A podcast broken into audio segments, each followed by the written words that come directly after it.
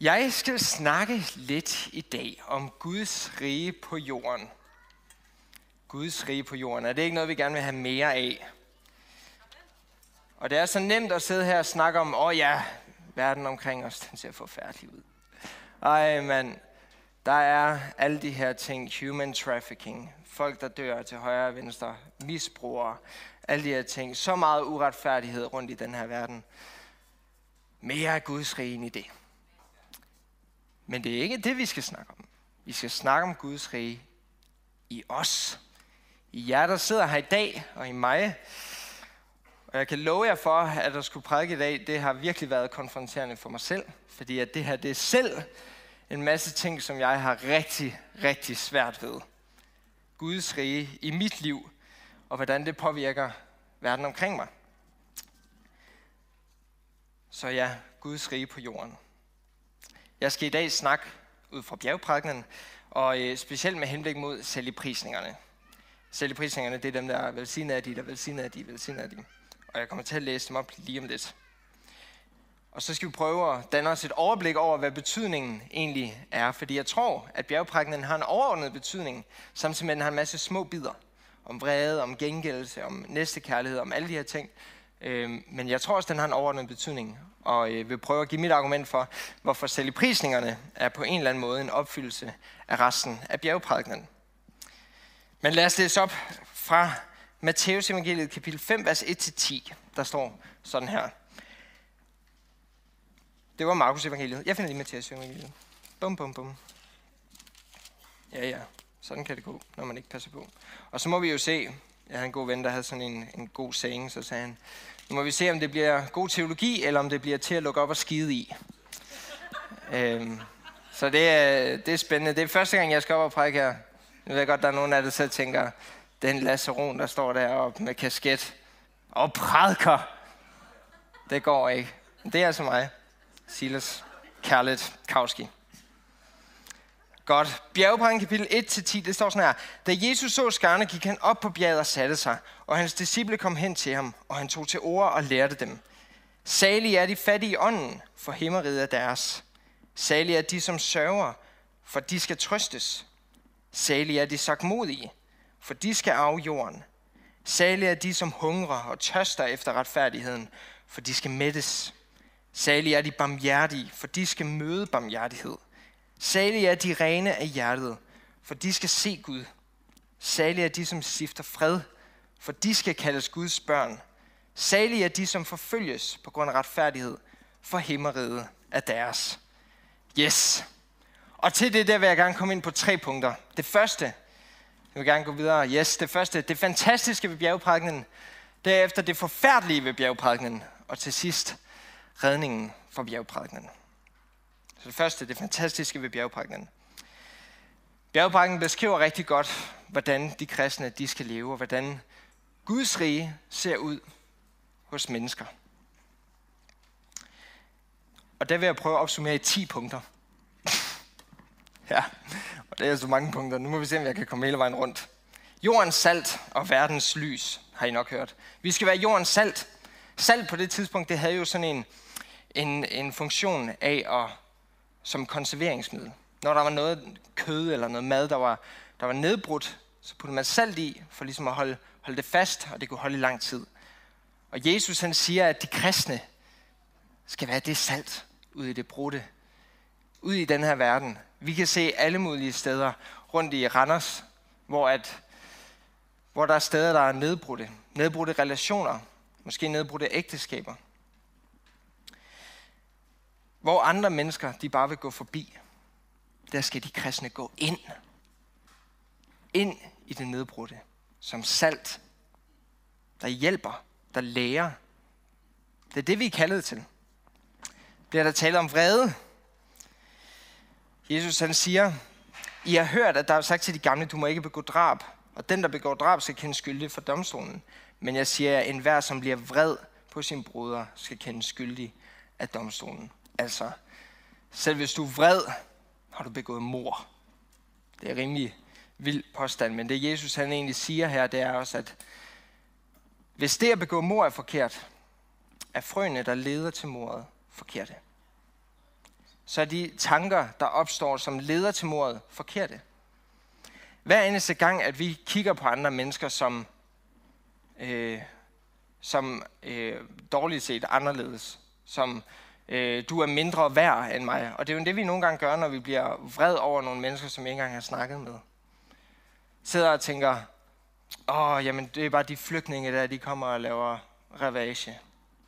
Eller dem med den her hudfarve, de er bare nogle idioter.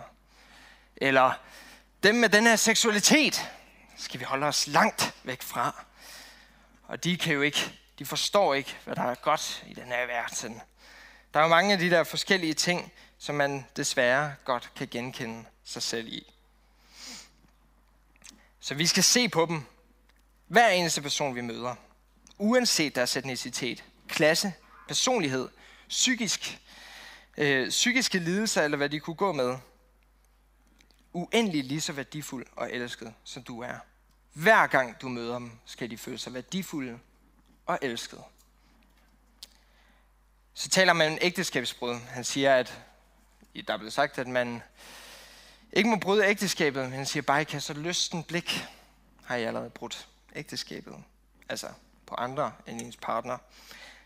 Han taler altså her om, at hvis du vil have den fysiske nøgenhed, sex for eksempel, så skal du også være villig til den personlige nøgenhed.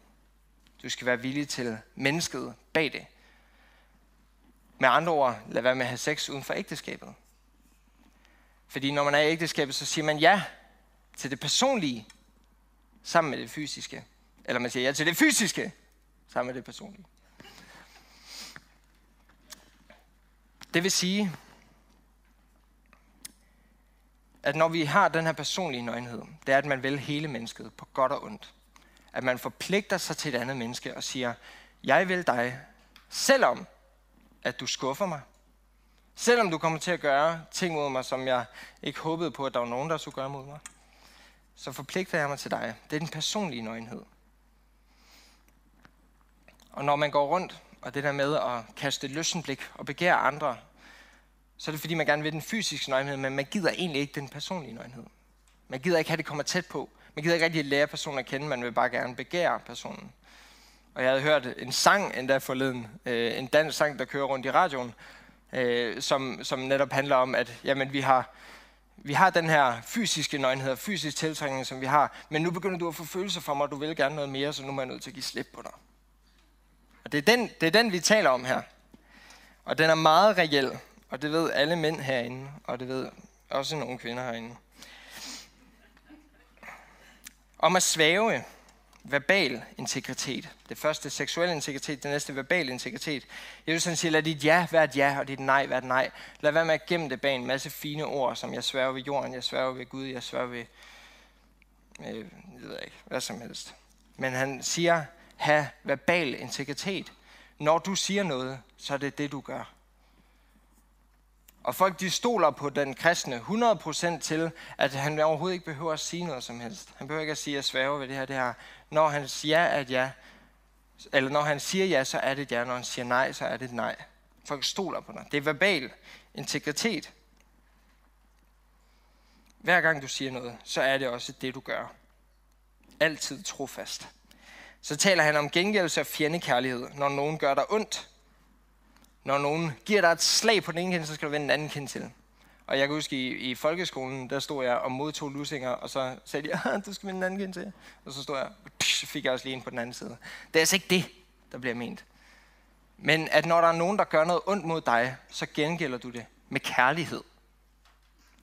Når der er nogen, der gør noget ondt mod dig, så gengælder du det med kærlighed. Den kristne standardreaktion er altid at gøre godt til gengæld. Ønsker altid at genoprette og gøre det på sådan en måde, at modparten oplever sig konfronteret, mødt og elsket. At når der er nogen i en diskussion, der siger noget, som er totalt grotesk, og man sidder og tænker, at det skal han da ikke have lov til at sige, så møder man alligevel personen med så meget kærlighed, at personen oplever sig konfronteret. Åh oh mand, jeg kan godt se, at det jeg sagde, det var dumt. Og i de fleste tilfælde vil den kristne omvende den anden person til at de godt kan se, hvad det var, der var galt. Om almisse, det vil sige at give til de fattige. Jesus han siger endda, når du giver. Han regner med, at vi giver til de fattige.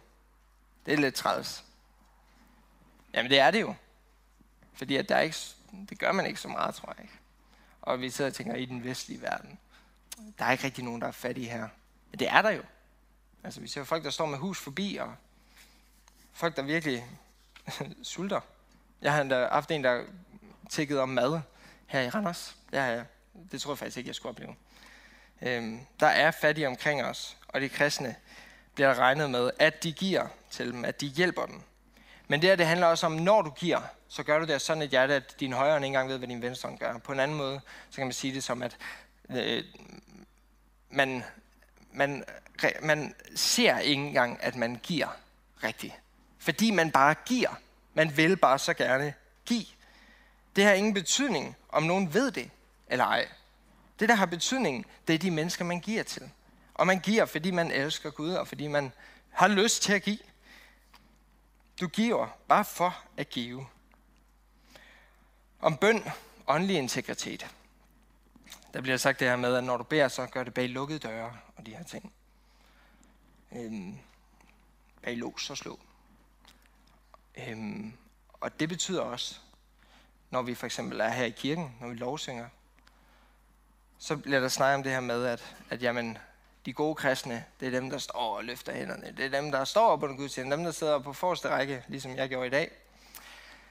Eller, øhm, eller nogle af de her ting, vi kender det godt.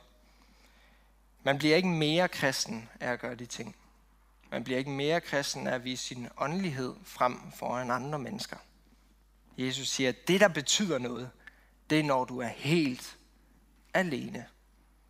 Det vil sige, hver eneste person herinde, når jeg er helt alene, hvor er det så, dine tanker de flyver hen? Det er så konfronterende. Det er virkelig konfronterende, synes jeg. Fordi at det taler om, hvor mit hjerte det er. Øhm, fordi at hvor at mine tanker de går hen, det vil ofte være min afgud. Det vil ofte være det, der egentlig betyder mere, når jeg er helt alene. Så du kan være nok så fin til stronger, men hvis du ikke er det, når du kommer hjem og er alene, så har det ingen betydning. Desværre. Det kunne ellers være fedt. Men det har det ikke. Igen, i forhold til at give til de fattige, så taler han også om penge, og det er samme betydning, at det ikke har en stor plads i dit hjerte, penge. Fordi der, hvor din penge er, vil man ofte sige, det er dit hjerte. Det siger Jesus i hvert fald. Der, hvor din penge er, der vil ofte din Gud være.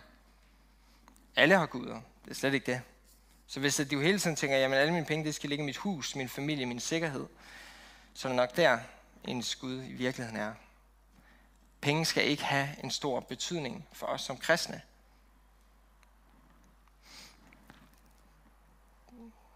Det er hårde nyheder, det her. Om bekymringer. Han siger, vær ikke bekymret. Så hvis man indtil nu har tænkt, ah, ah, ah, jeg opfylder alle dem her, så ved man i hvert fald nu, at bekymringer, den er rimelig svær. Bekymringer, det, bekymringer, det grunder lidt i stolthed. Det grunder lidt i den der tanke om, jeg ved bedre, hvad der skal ske. Jeg bekymrer mig om dagen i morgen. Jeg regner med, at dagen i morgen skal se ud på en bestemt måde.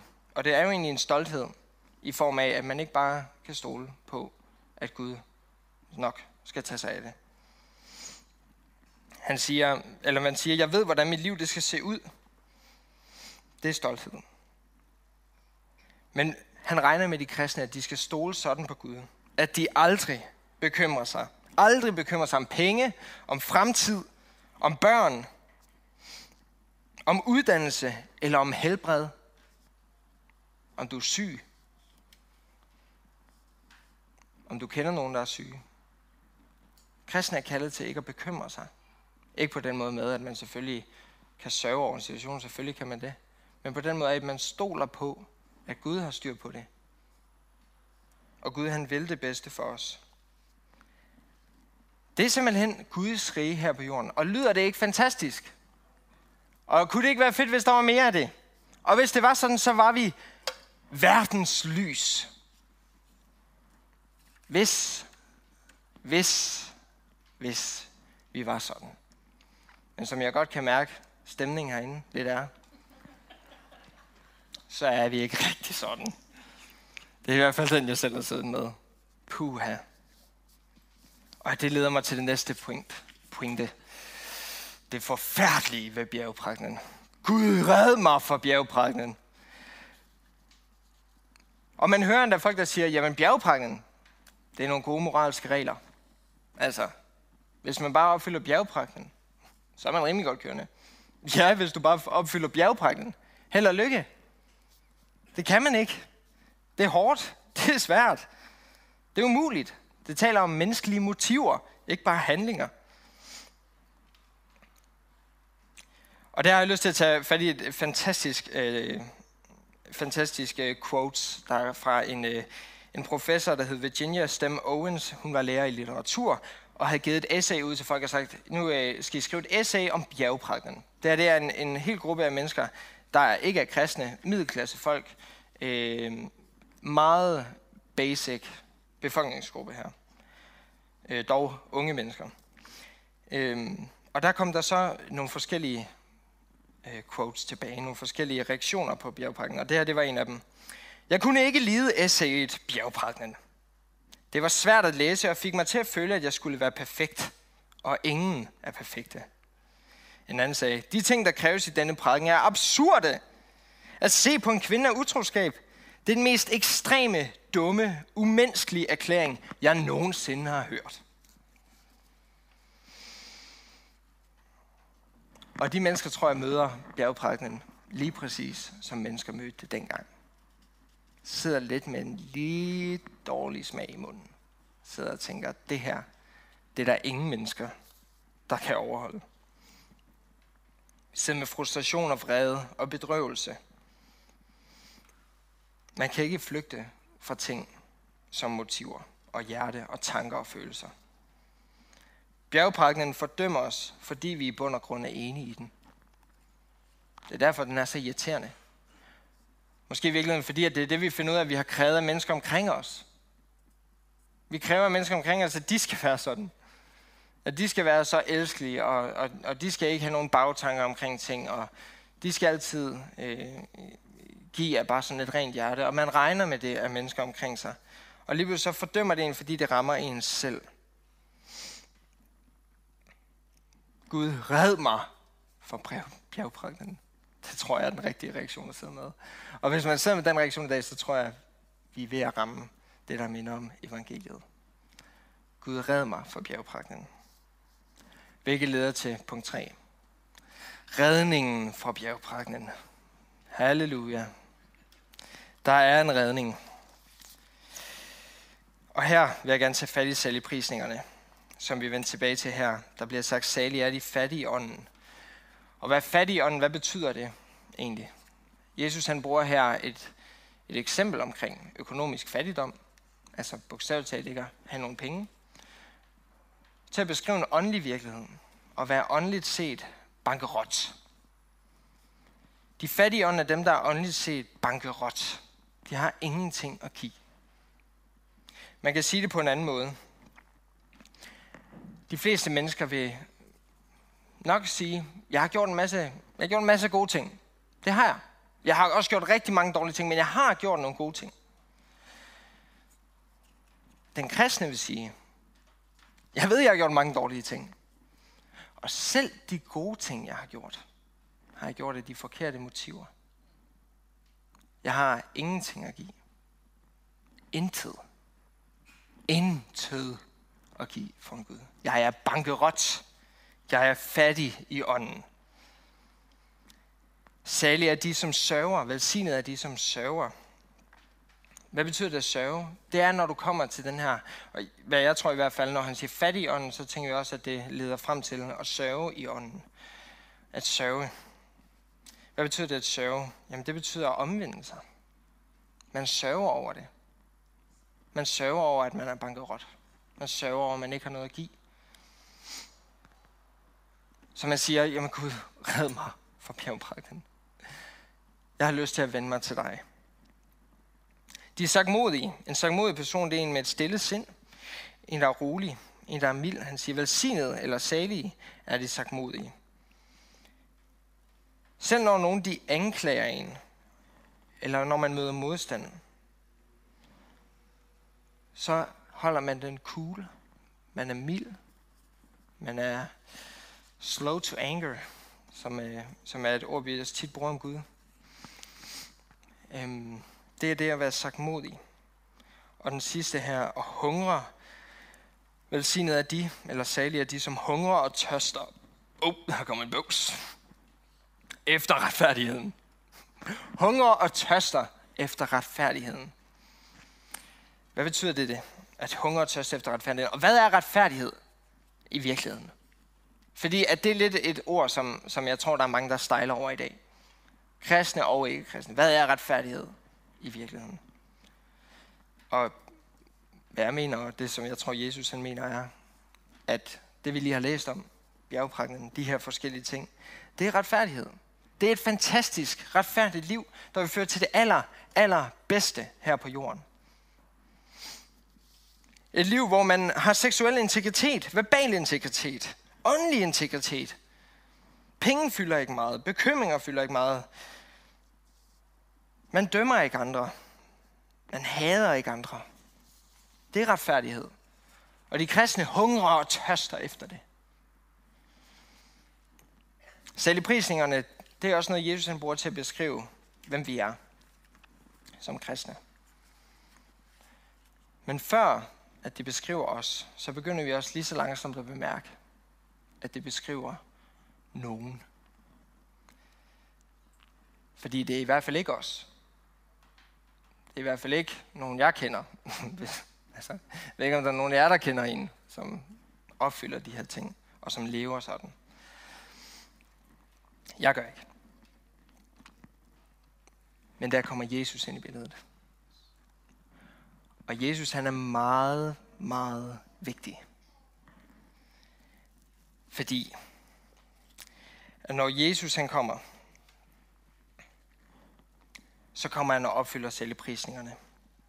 Han kom og var fattig i ånden. Fattig i ånd og fattig bogstaveligt talt, tror jeg også, han led mange gange. Og hvorfor gjorde han det? For at vi kan arve himmeriget, og vi kan være rige som konger i himlen. Så kom han, forlod det. Han forlod rigdommen, for at vi kunne blive rige. Han blev fattig. Simpelthen. Hvorfor kan vi blive trøstet af Gud? Fordi at Jesus kom som sovens mand, og Jesus mødte ingen trøst. Det var kun ham, der kunne bære den. Hvorfor skal vi af jorden? Det er alle de her ting, der står i selvprisningerne, som er velsignelserne efter. Hvorfor skal vi af jorden? Fordi Jesus gik sagt modigt til korset. Han holdte sig mild og rolig frem til korset. Selvom han blev pisket og hængt op på et kors, gik han virkelig som et lam. Virkelig som et lam til slagning. Kan I godt se, hvor jeg vil hen med det her? Hvor kan vi få slukket vores tørst? Hvorfor kan vi få slukket vores tørst og blive mættet? Fordi at han på korset sagde, jeg tørster. Hvorfor kan vi få barmhjertighed fra Gud? Fordi at Jesus fik ingen barmhjertighed. Derfor kan vi være sikre på at få barmhjertighed fra Gud. Jesus gjorde det, vi ikke kunne. Hvorfor kan vi se Gud, som der står? Fordi at Jesus på korset råbte, min Gud, min Gud, hvorfor har du forladt mig? Fordi midt der på korset, kunne Jesus ikke se Gud. Derfor kan vi se Gud. Så vi må aldrig nogensinde glemme Jesus som nøglen i det her. Fordi Jesus sænker vores skuldre. Vi skal læne os op af ham. Fordi han er den eneste, der gjorde det. Han er den eneste, der kunne bære det her ansvar. Vi tror altså på en Gud, som ikke bare stiller nogle regler og siger, sådan er, sådan er, prøv at efterleve dem. Men vi har en, der selv går ned, opfylder den. Og når at vi sidder og kommer til kort og siger, jamen jeg vil aldrig kunne opfylde den her, så har vi en Gud, der selv går ned og opfylder den. Og dør på korset for vores skyld. Og lever det perfekte liv for vores skyld. Og jeg ved ikke med jer, men jeg er træt af at gøre de dumme ting. Og jeg er træt af hele tiden at komme til kort med de her ting. Men samtidig at tro på en Gud, som kan tage imod min tilkortkommenhed. Og tro på en Gud, der virkelig forstår min tilkortkommenhed. Det er kæmpestort. Og kære venner, vi er de eneste, der tror på det. Det her det er ikke noget, man kan høre nogen andre steder om en Gud, som selv går ned og tager skraldet. Det er kæmpestort. Det er kæmpestort. Og jeg har lyst til at lige læse op fra Esajas 53. Nu ved jeg godt, der er en masse, der tænker, yeah, fedt. Det er fordi, jeg også selv synes, det er fedt. Det er i hvert fald, jeg tænker det. Esajas 53, vers øh, 2-6. Der står der sådan her. Prøv at lytte til det. Prøv at tænke lidt over det en gang. Han skød op foran Herren som en spire, som et rodskud af den tørre jord. Hans skikkelse havde ingen skønhed. Vi så ham, men vi brød os ikke om synet. Foragtet og opgivet af mennesker. En lidelsernes mand, kendt med sygdom. En, man skjuler ansigtet for. Foragtet, vi regnede ham ikke for noget. Men det var vores sygdomme, han tog. Det var vores lidelser, han bar. Og vi regnede ham for en, der var ramt, slået og plaget af Gud. Men han blev gennemboret for vores overtrædelser og knust for vores synder. Han blev straffet for, at vi kunne få fred. Ved hans sår blev vi helbredt. Vi flakkede alle sammen som får. Vi vendte os hver sin vej, men Herren lod al vores skyld ramme ham. Det er fantastisk. Og hvad skal vi så gøre med det? Og der er der det her med at hungre og tørste efter retfærdighed. Når vi virkelig hungrer og tørster efter noget. Hvis jeg virkelig er tørstig. Og det her lige nu. Hvis jeg virkelig er tørstig. Nu drikker jeg lige. Ja, jeg troede faktisk, det var kildevand i starten, der er brus i. Disappointed.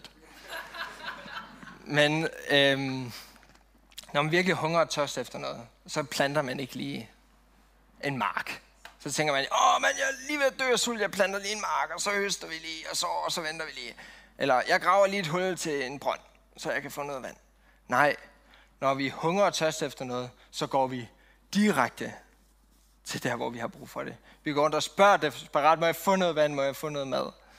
Jeg er ved at sulte, jeg er ved at tørste. Og vi kommer til Gud.